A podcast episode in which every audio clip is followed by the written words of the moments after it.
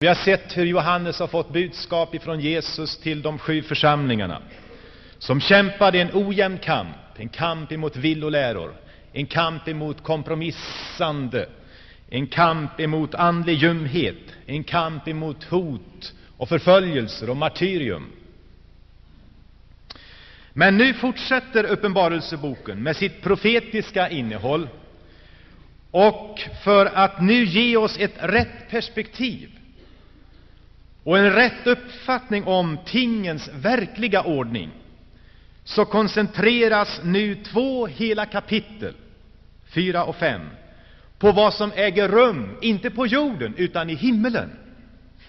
För det är därifrån som makten utgår, och det är himmelen som har allt i sin hand. Och vad man gör i himlen, när jorden står och väntar på historiens upplösning, det måste ju vara väldigt intressant att få veta.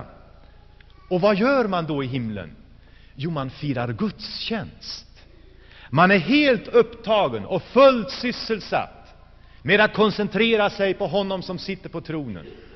Att lovsjunga, ära och prisa och tacka honom. Johannes inleder det fjärde kapitlet med att säga ”Sedan såg jag”, eller ”Sedan fick jag se”. Det är ett uttryck som kommer, igång, kommer igen gång på gång genom Uppenbarelseboken för att introducera någonting ny, nytt som Johannes ser, en ny syn som han får. Vi står alltså inför någonting nytt nu. En ny scen skall öppnas för oss. Och det är lika som Johannes vill ta oss med in i själva upplevelsen som han hade. Och varje detalj och varje ögonblick vill han ta oss med direkt in i. Och se, säger han. En dörr öppnades till himlen. Kan du tänka dig den gamle, gamle åldrige aposteln, kanske närmare de 90 nu, förpassad ut till fångarnas ö, därför att han hade lett församlingen i Efesus med sitt vittnesbörd. Men där ute i hans ensamhet öppnar Gud himlen för honom och låter honom skåda syner som gör honom till Nya testamentets främste profet. Och Johannes får liksom träda in på helig mark. Ja, ända in på himmelens förgårdar. Och han vill ta oss med dit nu, idag. Det är väl spännande? Och vad såg han då? Jo, han såg Gud först och främst. Och han hörde röster och ljud. Han såg en färgsprakande glans. Och allt vad han såg och allt vad han hörde, det skrev han ner under den helige Andes inspiration i en bok. Bibelns sista bok, Uppenbarelseboken, som är en skatt som den kristna församlingen har bevarat nu under snart 2000 år. Här dras slöjan lika som undan för oss, och vi får en insikt i världshistoriens upplösning, hur historien ska avslutas en gång och där Gud själv skall triumfera i härlighet och ära. Men kanske ännu viktigare, vi får träda Gud så nära och känna någonting av hans majestät, av hans helighet, av hans härlighet. Och Uppenbarelseboken, den likasom vill stämma oss till lovsång. Den vill stämma oss till tillbedjan, för den presenterar för oss Lammets triumf och Guds, rätt, Guds rättfärdighets seger. Uppenbarelseboken tecknar inte bara för oss den jordiska historiens stormiga upplösning. Den tecknar för oss framför allt honom som sitter på tronen, högt upphöjd, stor i makt och härlighet.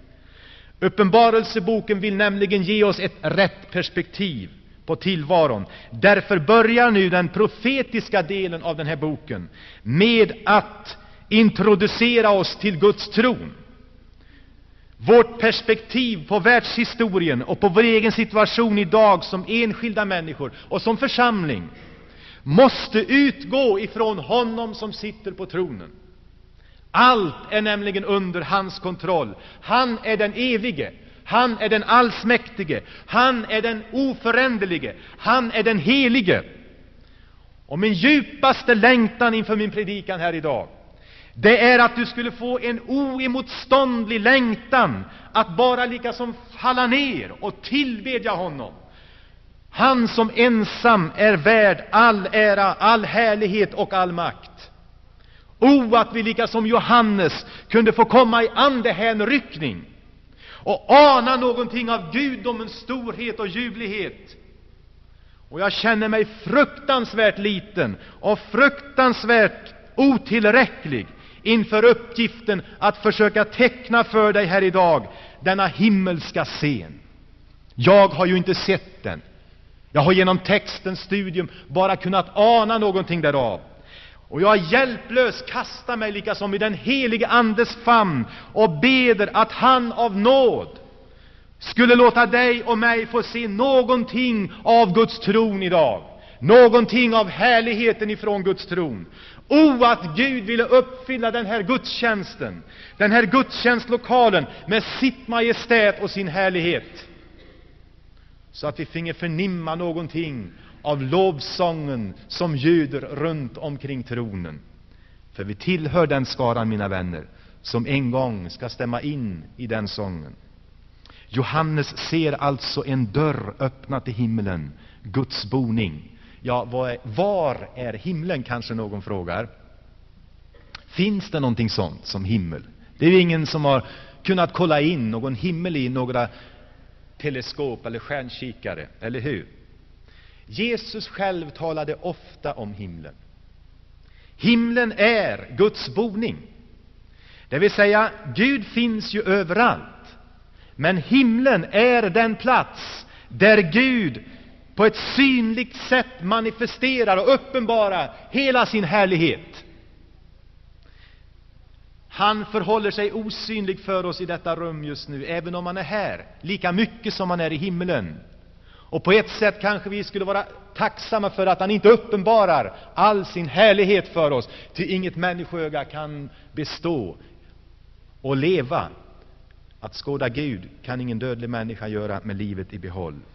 Men i himlen finns den fulla uppenbarelsen av Guds väsen, av Guds härlighet. Och så får Johannes höra en röst som han genast känner igen, som den röst som hade talat till honom den där första dagen då han kom i andehänryckning. Rösten stark som en basun, och nu hör han den igen. Rösten som talar med stor makt och myndighet. Det är Jesu röst, den förhärligade Kristus, som nu kallar på Johannes och säger Kom hit upp, så skall jag visa dig vad som skall ske härefter. Vilken inbjudan, mina vänner! Kom hit upp, Johannes! Och kejsar Dominitianus, som hade trott att han hade förpassat den apostel bort ifrån all andlig verksamhet genom att sätta honom där ute på fångarnas ö i Egeiska havet. Men så ljuder hans röst som är konungars konung och högt över Domitianus, kejsaren av Rom, Johannes, kom hit upp så ska jag visa dig vad som ska ske härefter. Hittills har Johannes endast lyssnat till Jesu röst och skrivit ner de här sju budskapen till församlingarna i mindre Asien. Men nu så skall han alltså få se och höra vad som skall ske härefter, står det. Ja, egentligen säger texten ordagrant så här. Vad som med nödvändighet skall ske, eller måste ske, härefter. Det handlar inte om någonting som eh, möjligen skall komma att kanske inträffa, utan de syner som Johannes får skåda och som Uppenbarelseboken i fortsättningen handlar om, är någonting absolut ofrånkomligt och som kommer att ske. Uppenbarelseboken är en profetisk bok om världshistoriens och tidens avslutning, och den bevisar att Gud fortfarande är i fullständig kontroll. Det är därför, mina vänner, som Uppenbarelseboken är så allvarlig. Ingen kan ändra på dess budskap. Ingen kan komma undan det profetiska ordets uppfyllelse. Och i den tid i vilken vi lever så borde Uppenbarelseboken åter vara föremål för vårt ivrigaste studium.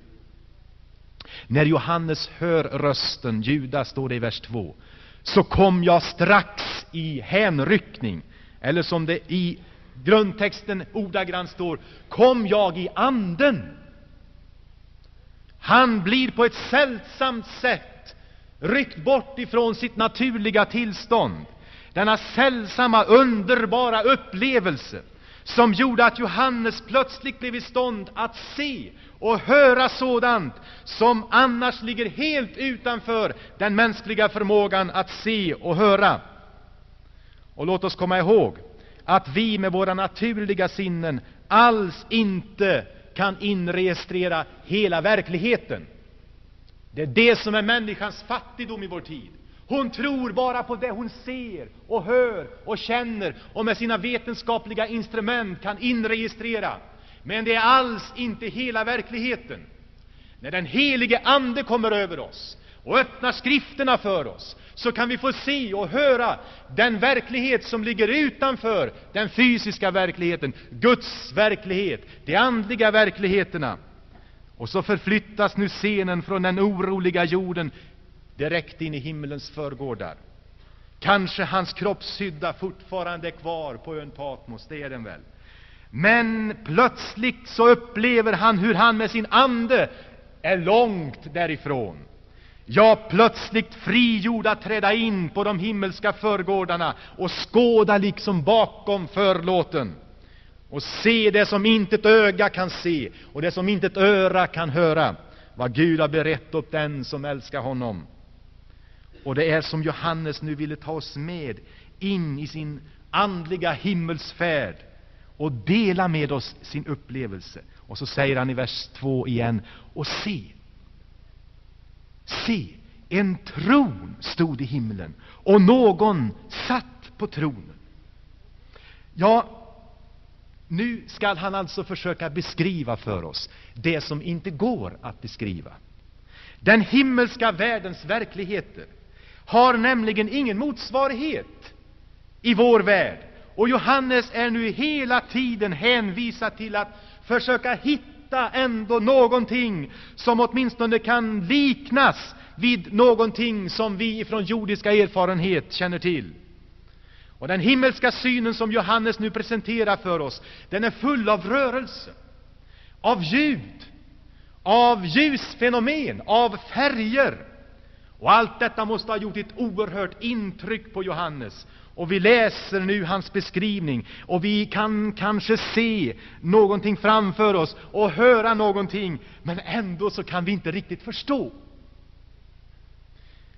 Men det viktigaste är, mina vänner, att vi nu fylls av en mäktig känsla av Guds storhet, av Guds helighet, av Guds makt, av Guds evighet, av Guds majestät. Johannes fångas genast av det mest centrala i hela den himmelska scenen. Han såg en tron och någon som satt på tronen. Och så börjar han beskriva honom som satt på tronen, men lägg märke till att han beskriver den, inte, den här personen inte alls i några mänskliga, fysiska termer, utan han beskriver det i någonting av ljus som han fängslas utav. Gud är ju ande, och det är så fattiga de försök som människor ibland försöker göra när man framställer Gud som en gammal man sittande på sin tron, främmande från Bibeln.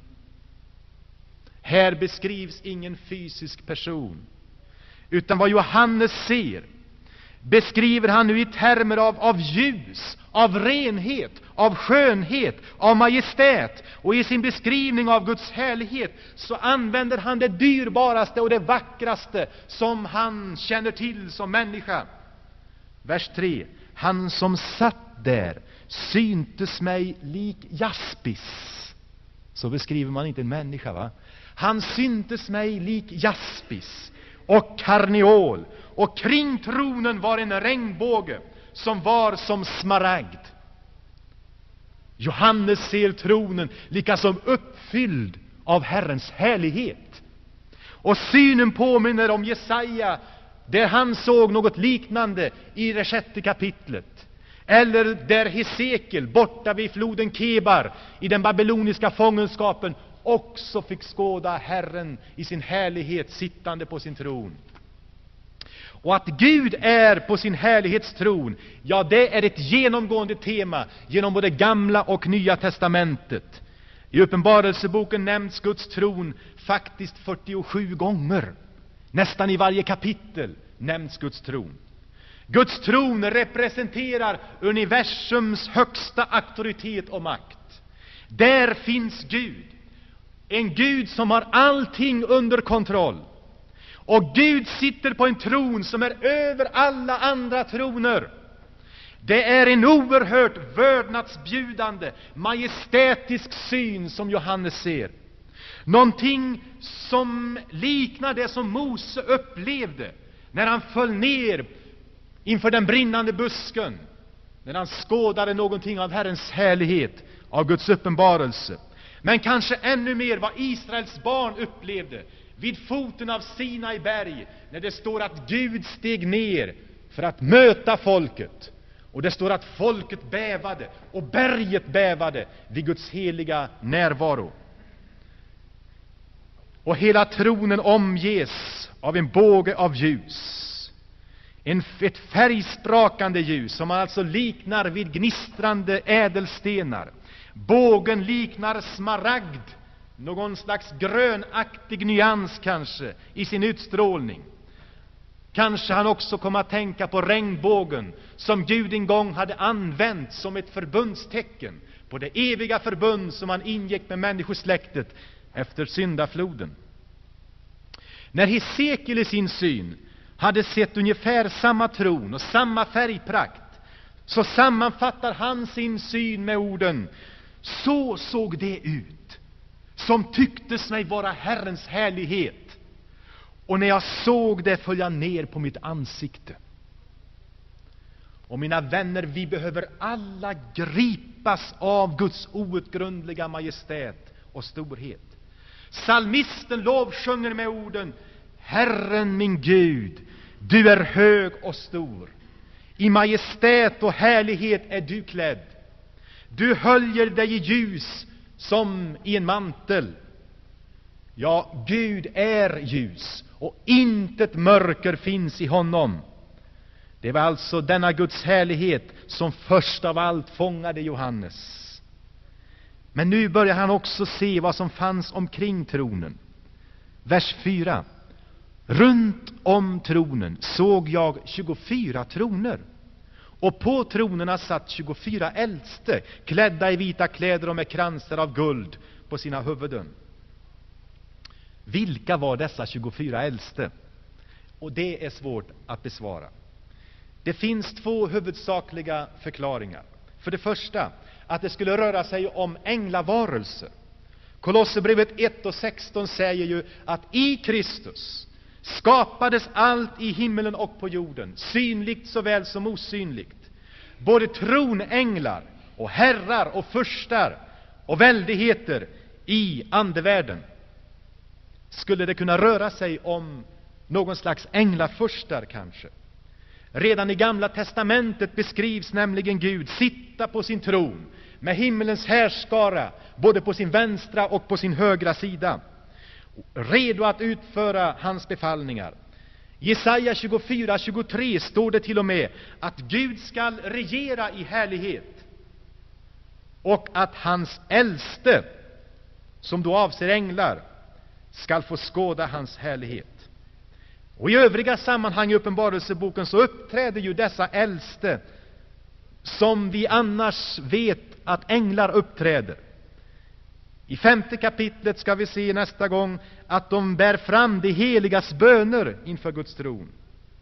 På ett annat ställe, i sjunde kapitlet, så uttolkar de en syn för Johannes. Och så uppträdde också änglavarelserna i Daniels bok. Men eh, varför var det just 24 i så fall? Och det är här som den andra tolkningen ser sin förklaring. Den tolkning som hävdar att de 24 äldste representerar Guds förlossade, både judar och hedningar, alltså Guds folk från alla tider. Den triumferande församlingen, skulle vi kunna säga. För i Första krönikeboken, det 24 kapitlet, så läser vi om att leviterna ju som stam skulle representera Israel i tempeltjänsten.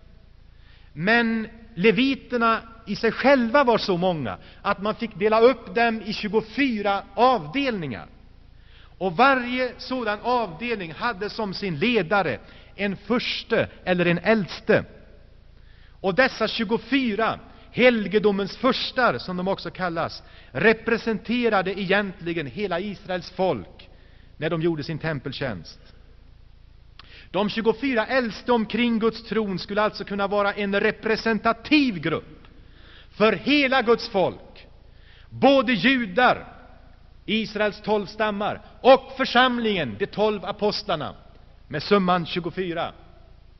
Och vad som talar för den här tolkningen, alltså att det handlar om den triumferande församlingen, talar också sammanhanget, tycker jag.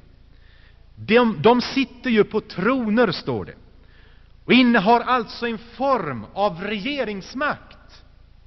Och det var ju detta som Jesus hade lovat bland annat församlingen i Tyatira, när han hade sagt Den som segrar, honom skall jag giva makt över folken, samma makt som jag har fått av min fader. Eller till församlingen i Laodikea, som vi läste förra gången.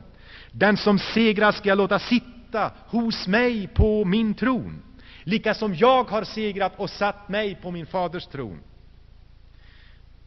Endast församlingen är utlovad att få regera med Kristus, och tronerna står där som en symbol för detta regentskap. För det andra står det att de är klädda i vita kläder. Det är ju vad Jesus utlovade, bland annat församlingen i Sardes, när han sa den som segrar skall kläs i vita kläder. Och de vita kläderna symboliserade ju renhet, högtid, fest och en slutlig seger. Det var segerdräkten, någonting som har med församlingens framtid att göra. För det tredje så skulle de ha kransar av guld på sina huvuden. Och till församlingen i Smyrna hade Jesus sagt Var trogen intill döden, så ska jag ge dig livets segerkrans. Kransar av guld antyder också att det är det oförgäng, den oförgängliga och slutliga segern som det handlar om, och som alltså har vunnits. Alltså, sammanhanget argumenterar för att de 24 äldste skulle vara en representativ skara av den triumferande församlingen. Det skulle alltså vara församlingen på sin upphöjda plats runt omkring Guds tron gjorda till präster och konungar. Tänk att det ändå är så högt som Gud har lyft oss. Vi som var syndens slavar ska bli hans medregenter i omedelbar närhet av hans egen tron. Det femte kapitlet har mer att säga om det här. Vers 5 nu. Från tronen kom det blixtar och dån och åska. Är det månne ljudupplevelser med vilka Johannes försöker beskriva Guds röst, eller sången och jublet, förkunnelsen omkring Guds tron? Ja, det är ju ljudmanifestationer och ljusmanifestationer som för tankarna till Andra Mosebok 19, när Gud en gång steg ned på Sinai berg. Man såg rök, man såg eld, och hela berget bävade och det var dån såsom av åska. Men är det inte märkligt att också den dag då Gud genom den helige Ande kom för att ta sin boning i församlingen och de kristna var församlade där uppe i den övre salen, så står det i Apostlagärningarna 2 att när pingstdagen var inne och alla var församlade med varandra, så kom plötsligt från himmelen ett dån så som en våldsam storm hade farit fram. Någonting av det upplevde Johannes vid Guds tron. Framför tronen ser Johannes också sju facklor brinna. Och det står, detta är Guds sju andar. Och vi har tidigare fått anledning att förklara att de sju andarna troligen är en beskrivning av den heliga Ande Talet sju är ett uttryck för Andens fullhet och mångfald. Den helige Ande är ju inte synlig för människoögat. Ibland måste han därför förkroppsliga sig på något sätt, ta någon form av skepnad för att tillkännage sin närvaro. Så när Jesus döptes av Johannes, så sänker sig Anden ner i skepnaden av en duva. Och, mina vänner, i Apostlagärningarna 2 så står det att tungor såsom av eld visade sig för dem och fördelade sig och satte sig på var och en av dem. Vad var det frågan om? Den helige Andes eld. Nu såg han det framför tronen, den helige Andes närvaro. Och i kapitel 5 kommer vi också att se att Lammet står framför tronen. Och därmed så är hela den treenige Guden närvarande vid Guds tron. En manifestation alltså av den treenige Guden, Fader, Son och helig Ande. Vers 6. Framför tronen låg liksom ett hav av glas som av kristall. Och det har diktats mycket om glashavet förstås. Och rent estetiskt så tycker man nog att det inte är riktigt så tilltalande. Man kan ju inte ens bada i ett sånt hav. Men det som Johannes ser, förstår du, det undandrar sig egentligen all beskrivning. Men det närmaste han kom, kan komma det han ser, det är att likna det vid en havsvid, blänkande, glasklar yta. Och i den antika världen hade man ju inte riktigt lärt sig att framställa glas så som vi kan. Det glas man hade, det var ofta glanslöst, matt och inte riktigt genomskinligt en gång. Men om det nu fanns glas som var klart som kristall, ja, då var det lika eftertraktat som dyrt guld. Denna rena, klara yta måste ju också ha reflekterat det underbara ljuset från Guds tron. Det står faktiskt en intressant notis i Koranen. Koranen tar ju upp många bibliska personer. Och där beskrivs det i ett, eh, i ett sammanhang när drottningen av Saba kom till konung Salomo. Det står ju också om det i Bibeln, som ni vet. Så hade Salomo ett sådant här glasgolv i sitt palats som var så förvillande lik en liten damm med en blank, skinande yta att när drottningen av Saba skulle vandra över detta golv så drog hon upp någonting av sin klädedräkt beredd att träda ner i det grunda vattnet. Alltså, kanske någonting av detta som vi nu ska förstå. Framför tronen, det dyrbaraste som man kunde tänka sig, glaskristall som reflekterade Guds skönhet. Ja, det gav Johannes ett intryck av bländande renhet men kanske också av stillhet och frid. Känner du det? Det står i Jesaja 57 så här om, den ogedak, om de ogudaktiga, att de är som ett upprört hav, ett hav som inte kan vara stilla, ett hav vars vågor röra upp dy och orenlighet. Det ogudaktiga hava ingen frid, säger min Gud. Men framför tronen råder, precis som vi ibland kan se här på västkusten, en stilla kväll. Havet är blankt som en spegelyta. Det är lugnt, det är fridfullt. Så andas hela himlen en stillsam frid framför Guds tron. Och Johannes mättas av denna syn. Från den oroliga scenen på jorden ser nu Johannes att framför tronen råder fullständig stillhet och harmoni. Allt är lika som under kontroll. Men så fäster Johannes sin uppmärksamhet på fyra varelser, eller levande väsen, som uppehåller sig mitt för tronen och runt om tronen. Dessa varelser återkommer också senare i Uppenbarelseboken, när vi ser Guds tron. Och vi har svårt att föreställa oss deras utseende. De är fulla med ögon, både fram till och bak till. Något som kanske representerar Guds allseende eller allestädes närvarande. Den första varelsen liknade ett lejon, den andra en ungtjur, den tredje hade en människas ansikte och den fjärde liknade en flygande örn. Märkliga beskrivningar. Och många tolkningar har föreslagits, bland annat att de skulle representera olika aspekter av Jesu gärning och som i sin tur framkommer i de fyra evangelierna. Men de här varelserna påminner väldigt mycket om de fyra väsendena som också Hesekiel ser i sin syn i det första kapitlet i Hesekiels profet. Även de liknas vid ett lejon, tjur, människo och öron, ö, ögo, förlåt, örnansikte. De här fyra aspekterna. I Hesekels syn är de här fyra väsendena är det de som på sina huvuden bär upp Guds tro. Och i Hesekiel 10 och 20 så står det att de här fyra väsendena var keruber.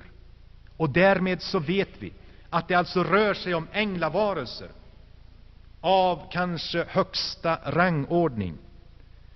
Det var keruber, kommer du ihåg, som efter syndafallet sattes att bevaka ingången till Edens lustgård. Skilsmässan, den tragiska mellan människa och Gud, var ett faktum. Och nu kunde inte människan i sitt fallna tillstånd komma tillbaka in till gemenskapen med en helig Gud. Det var keruber av guld som skulle tillverkas när man byggde tabernaklet, och de skulle ställas ovanpå nådastolen som var ovanpå arken, inne i det allra heligaste. Och ovanpå dessa keruber vilade Guds härlighet och helighet.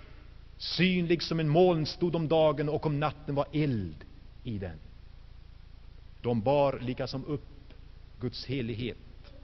På förlåten som skilde det heliga rummet från det allra heligaste var keruber invävda i konstvävnad, står det. Likasom stod de där och slog vakt om Guds härlighet och helighet och sa till människan, hit men inte längre. Och syndig människa var väl medveten om att det inte gick att nalkas Gud hur som helst och när som helst. Endast den stora försoningsdagen vet vi ju att översteprästen med blod av ett syndfritt offerdjur fick gå in i det allra heligaste och stänka av detta blod på nådastolen och bringa försoning för folket. Men historien igenom skilde förlåten människan från Gud. Troligen var det alltså keruber, menar jag, som Johannes ser här i sin syn, väsendena som uppehöll sig kring Guds tron. Varför dessa likheter med djur då? Ja, om vi tänker på vilka djur det handlar om, så är vi väl överens om att det alla är djur med en alldeles särskild dignitet. Lejonet till exempel anses vara den främste bland vilddjuren kallas djurens konung och associerar till majestät. Tjuren, den främste bland boskapsdjuren, styrka och kraft. Örnen, den förnämsta bland fåglar. Och en flygande örn står det till och med, vilket talar om smidighet, snabbhet och överlägsenhet. Örnen har allt under kontroll, där den svävar fram högt ovan mark och människoansiktet till sist. Människan är ju ändå den visaste och intelligentaste av skapelser. Och tillsammans så uttrycker alltså dessa kännetecken någonting av storhet, majestät, styrka, snabbhet, vishet och skönhet.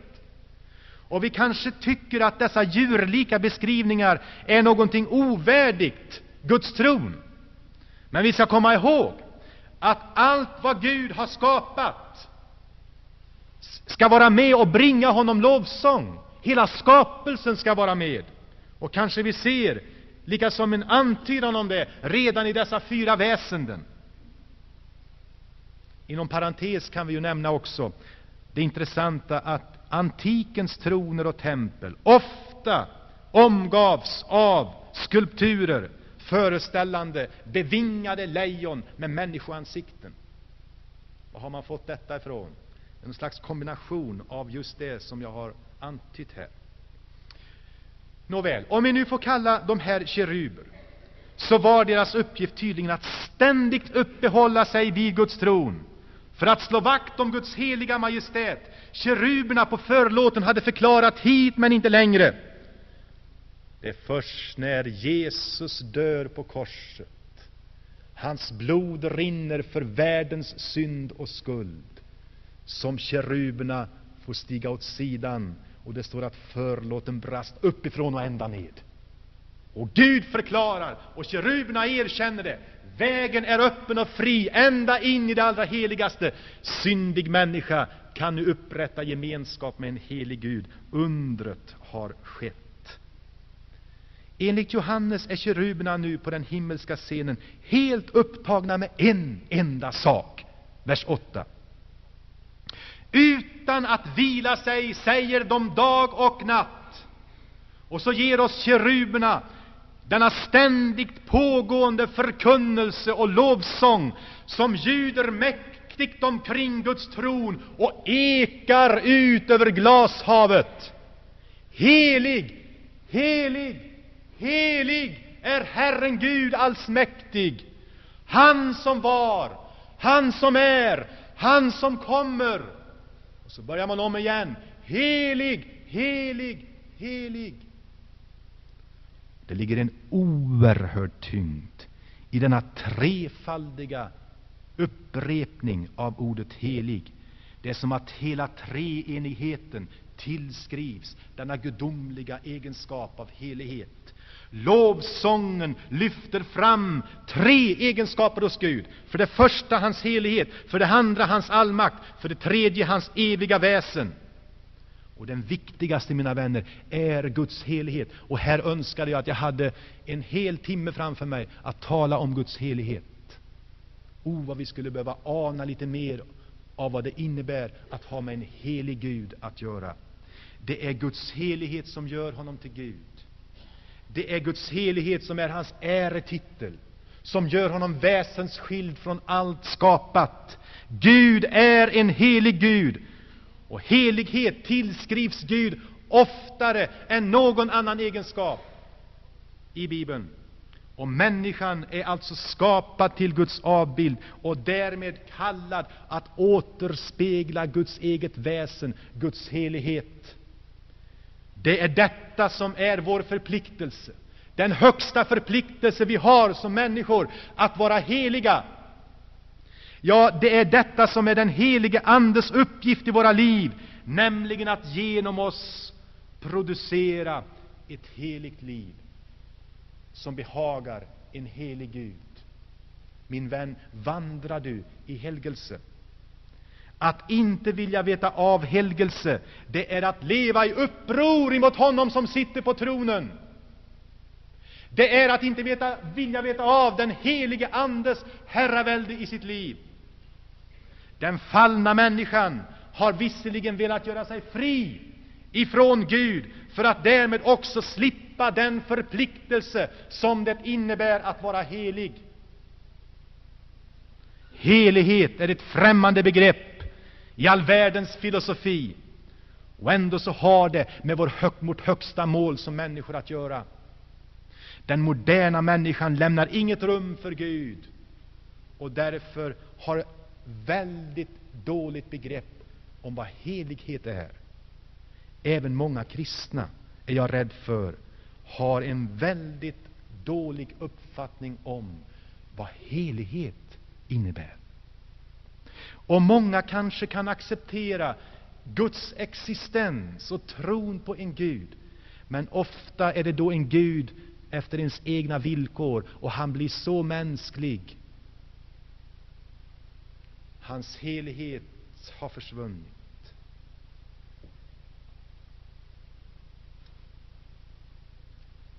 Vi lever i en tid då människan är oerhört främmande för talet om helighet. Vi vet så lite vad vördnad inför en helig Gud innebär. Hur ska vi uppträda i närheten till en helig Gud? Men medan man på jorden föraktar Guds namn och förkastar hans rätt till sina liv, så fortsätter man i himmelen förkunnelsen oupphörligt omkring Guds tron. Helig, helig, helig är Herren Gud allsmäktig. Och det verkar till och med som de syndfria och rena keruberna med bävan framför denna förkunnelse. Ja, det står i Jesaja 6 att trösklarna till templet som man ser i, sitt, i sin syn darrar och bävar vid förkunnelsen om Guds helighet. Vi borde också bäva, mina vänner. Men vi kanske inte träder närma en helig Gud så ofta så vi känner denna bävan. Vet du om att Gud är en helig Gud? Du kan inte komma inför honom hur som helst. När du begrundar hans helighet, då blir du som Jesaja en gång pinsamt medveten om din egen synd. Ve mig, jag förgås, ropar han. Och jag bor ibland ett folk som har orena läppar. Jag själv har orena läppar. Och det skapar en längtan, ja, en absolut nödvändig längtan. Jag måste få renhing, jag måste få försoning, annars förgås jag. O, att denna syndamedvetenhet kunde få uppstå i våra gudstjänster, där vi framlever vårt kristna liv, att människor blir medvetna om att det finns en helig Gud och det går inte att leva hur som helst. Alla skall vi en dag stå framför den Helige och vara väl medvetna om vår fläckade klädnad och söka efter någonstans att gömma oss.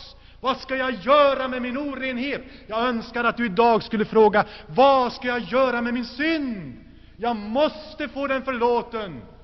Jag vill vara beredd att möta en helig Gud.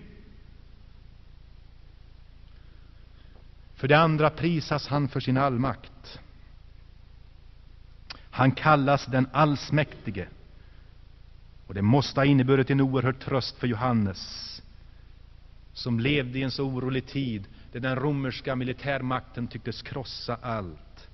Men nu förstår han, det är den allsmäktige som ska ha sista ordet. På jorden larmar nationerna och smider sina planer. I himlen sitter Gud orubbad på sin tron, och den himmelska härskaran vet att den slutliga triumfen tillhör honom och ingen annan. Och därför lovar man honom. För det tredje lovas han för att han är den som var, som är och som kommer, den evige Guden. Höjd över tiden, redan i framtiden. Jordiska riken kommer och går, men Guds tron förbliver. Du är min klippa, sjunger vi. Även då riken, världar och troner ligga i grus. En tron kommer att bestå. Guds tron skall aldrig läggas i grus. Den allsmäktige sitter orubbad i sin makt. Och vi borde skämmas som mänsklighet, som inte ger honom rätten till våra liv, utan tror att vi kan styra denna världen och ringakta den allsmäktiges vilja och förakta hans helighet. Guds allmakt, Guds heliga väsen garanterar att hans helighet kommer att triumfera en gång över allting som är ont och upproriskt emot honom. Och så till sist, när de fyra varelserna hyllar, ärar och tackar honom som sitter på tronen och som lever i evigheters evighet, ja, då blir plötsligt Johannes medveten om hur också de 24 äldste står beredda. Det står skall falla ner inför honom som sitter på tronen och tillbe honom, lägga ner sina kransar framför tronen som ett erkännande av hans suveränitet och som ett erkännande av att det är endast genom hans nåd som de kunnat vinna seger och nu får tillhöra den triumferande församlingen. All ära går liksom slutgiltigt ändå till Gud, ingen människa. På jorden idag ger man inte Gud äran. Istället prisar människorna sina händers verk och söker sin egen ära och berömmelse. Men den himmelska scenen visar att Guds skapelseordning skall återupprättas en gång. Det slutliga tillståndet skall innebära att allt skapat skall erkänna att Gud ensam är konung och värd all härlighet, all makt, all ära, som det står här i vers 11. Ty du har skapat världen, Du är Herre och Gud, inte kejsar Domitianus. De romerska medborgarna tvingades minst en gång om året gå till något av kejsartemplen och ge just den bekännelsen. Kejsar Domitianus, Herre och Gud. De kristna hade vägrat, och så sattes förföljelserna igång. Johannes åkte ut på ön Patmos som ett resultat att han hade vägrat att ge någon mänsklig regent en sådant erkännande. Men nu får han höra från tronen, de 24 äldste, den triumferande församlingen, ge den slutgiltiga bekännelsen till Gud. Du är Herre!